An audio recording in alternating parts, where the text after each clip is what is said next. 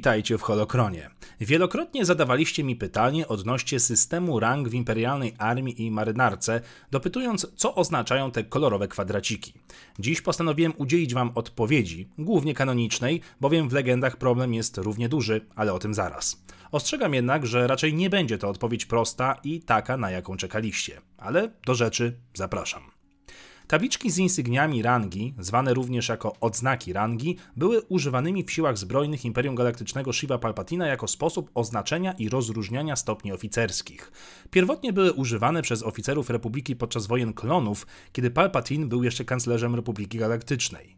Tabliczka, którą unoszono po lewej stronie tuniki regulaminowej nad sercem, składała się z półprzezroczystych, kolorowych, prostokątnych płytek osadzonych na metalowym pręcie. Tablice te mogły składać się z jednego lub dwóch rzędów płytek ułożonych jeden na drugim. Płytki dwurzędowe zostały wykonane z dwóch oddzielnych części po jednym rzędzie.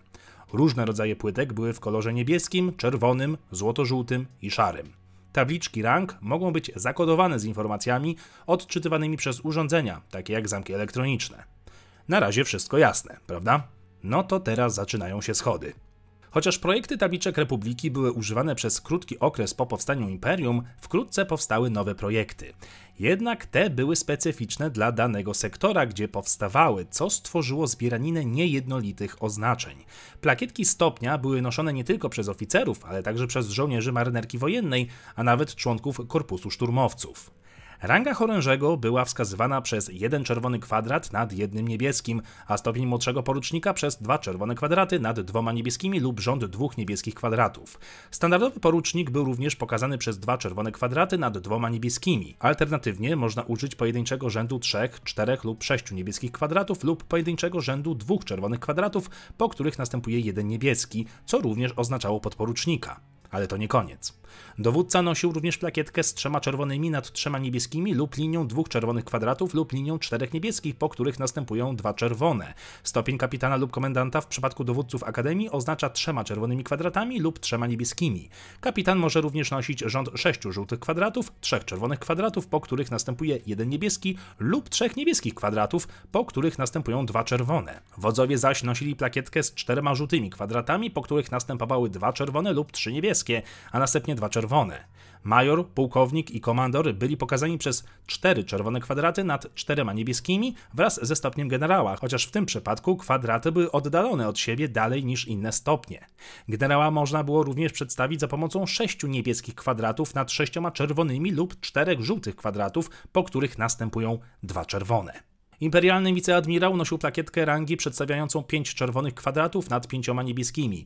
Admirał mógł być pokazany przez sześć czerwonych kwadratów na sześć niebieskich lub jeden rząd czerwonych kwadratów, po których następują dwa żółte, dwa niebieskie, po których następują cztery czerwone lub rząd sześciu niebieskich kwadratów. Zarówno wielki admirał, jak i wielki generał nosili tabliczkę z trzema niebieskimi kwadratami, po których następują trzy żółte nad trzema niebieskimi i czerwonymi. Do tego dochodzą jeszcze rangi w Imperialnym Biurze Bezpieczeństwa, które już wam oszczędzę. Zrozumiałe? Pewnie, że nie, ale to nie koniec problemów. Tabliczka z insygniami rangi pojawiła się po raz pierwszy w Nowej Nadziei, chociaż nie zostały one wtedy nazwane. Otrzymały dopiero identyfikację w podręczniku Star Wars Rebels The Visual Guide z 2014 roku. Nowy wykres rang, który powiedzmy, że możemy uznać za wiążący na razie, został opracowany na potrzeby Łotra 1 i wygląda następująco. Problem w tym, że odznaki z Nowej Nadziei wyglądają inaczej niż w Imperium kontratakuje, mimo że wielu oficerów ma ten sam stopień. W powrocie Jedi wszystkie plakietki zostały omyłkowo wykonane jako plakietki dowódców z powodu błędów w kostiumach. Zarówno Łotr 1, jak i animacja Rebelianci zawierają oba rodzaje plakietek. W 2022 roku Pablo Hidalgo wyjaśnił, że istnieją dwie epoki dla odznak rangi imperialnej przed i po zniszczeniu Gwiazdy Śmierci. Era przed zniszczeniem Gwiazdy Śmierci zawiera szablon pojedynczego rzędu opracowany dla Łotra 1, a także używany w Kenobim i Andorze.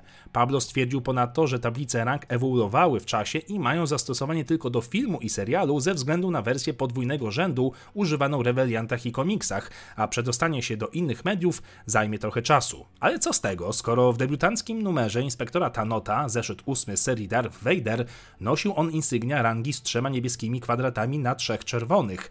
Jednak we wszystkich kolejnych wydaniach, aż do jego śmierci w zeszycie 20, nosił plakietkę z trzema czerwonymi nad trzema niebieskimi. Nie ma to żadnego sensu. A teraz uwaga, bo lecimy do legend. System rank zastosowany w legendach jest, w przeciwieństwie do filmów, w dużej mierze spójny i systematyczny. Chociaż istnieje kilka niespójności, to podstawowa hierarchia rank i insygniów, która po raz pierwszy pojawiła się w podręcznikach West End Games dla gry fabularnej D6 pod koniec lat 80., powraca w powieściach, komiksach i grach komputerowych aż do dnia dzisiejszego. Ogólnie przyjmuje się, że ten system wywodzi się z systemu RPG, chociaż możliwe jest, że był oparty na notatkach produkcyjnych lub szkicach kostiumów z filmów. Oczywiście nie każdy aspekt kanonicznego systemu rank West End Games jest jasny. Ten prosty system nie jest w stanie zapewnić dokładnego dopasowania się całej gamy plakietek filmowych. Ponadto związek między stopniami i insygniami marynarki wojennej i armii jest niejasny i niejednoznaczny. Większość zamieszania wśród fanów wynikała z faktu, że hierarchia rank związana z tym systemem jest niezgodna z rzeczywistym standardem angloamerykańskim. Często wspomina się o pojawieniu się rangi dowódcy między kapitanem a majorem. Niemniej jednak system rank morskich Sojuszu Rebeliantów, a także rzeczywisty marynarki skandynawskiej i innych europejskich również stawiają dowódców ponad kapitanami. Podsumowując, Filmy strasznie nabałaganiły w tym systemie i ze świecą szukać kogoś, kto naprawdę rozumie i orientuje się w tym, jak system rang właściwie powinien działać. Z biegiem czasu w internecie pojawiło się wiele alternatywnych systemów insygniów stworzonych przez fanów. Te spekulatywne systemy rzadko są zgodne z kanonicznymi tabelami i nie zawsze uwzględniają pełen zakres konkretnych przykładów przedstawionych w materiale kanonicznym. Na koniec należy wspomnieć o wpadce z kostiumami, o której mówiłem wcześniej. W dyskusjach fanów często mówi się, że błąd w garderobie spowodował, że aktorzy aktorzy grający imperialnych oficerów otrzymali kostiumy z niewłaściwymi insygniami, ale wydaje się, że nie ma oficjalnego źródła, które by to potwierdzało. Nie jest jasne, czy ta niespójność jest naprawdę wpadką, czy tylko kolejną zmianą w używaniu insygniów, tak jak hurtowa nieciągłość między dwoma pierwszymi filmami. Na dzień dzisiejszy więc nie ma jak udzielić jednoznacznej odpowiedzi z insygniami, bowiem zostało to na przestrzeni lat tak wiele razy zmieniane i przekształcane, że póki co te kolorowe tabliczki możecie sobie interpretować właściwie jak chcecie. Generalnie im ktoś ma więcej kolorowych kwadracików, tym jest ważniejszy. To niestety wszystko w tym temacie. Jeżeli pojawi się nowy, oficjalny i wiążący system rank, to na pewno dam Wam o tym znać. Dziękuję za oglądanie, zostawcie łapkę w górze, jeżeli chcecie udawać, że system rank jest zrozumiały i oczywiście niech moc zawsze będzie z Wami. Odcinek powstał dzięki wsparciu następujących patronów. Dziękuję Wam i niech moc zawsze będzie z Wami.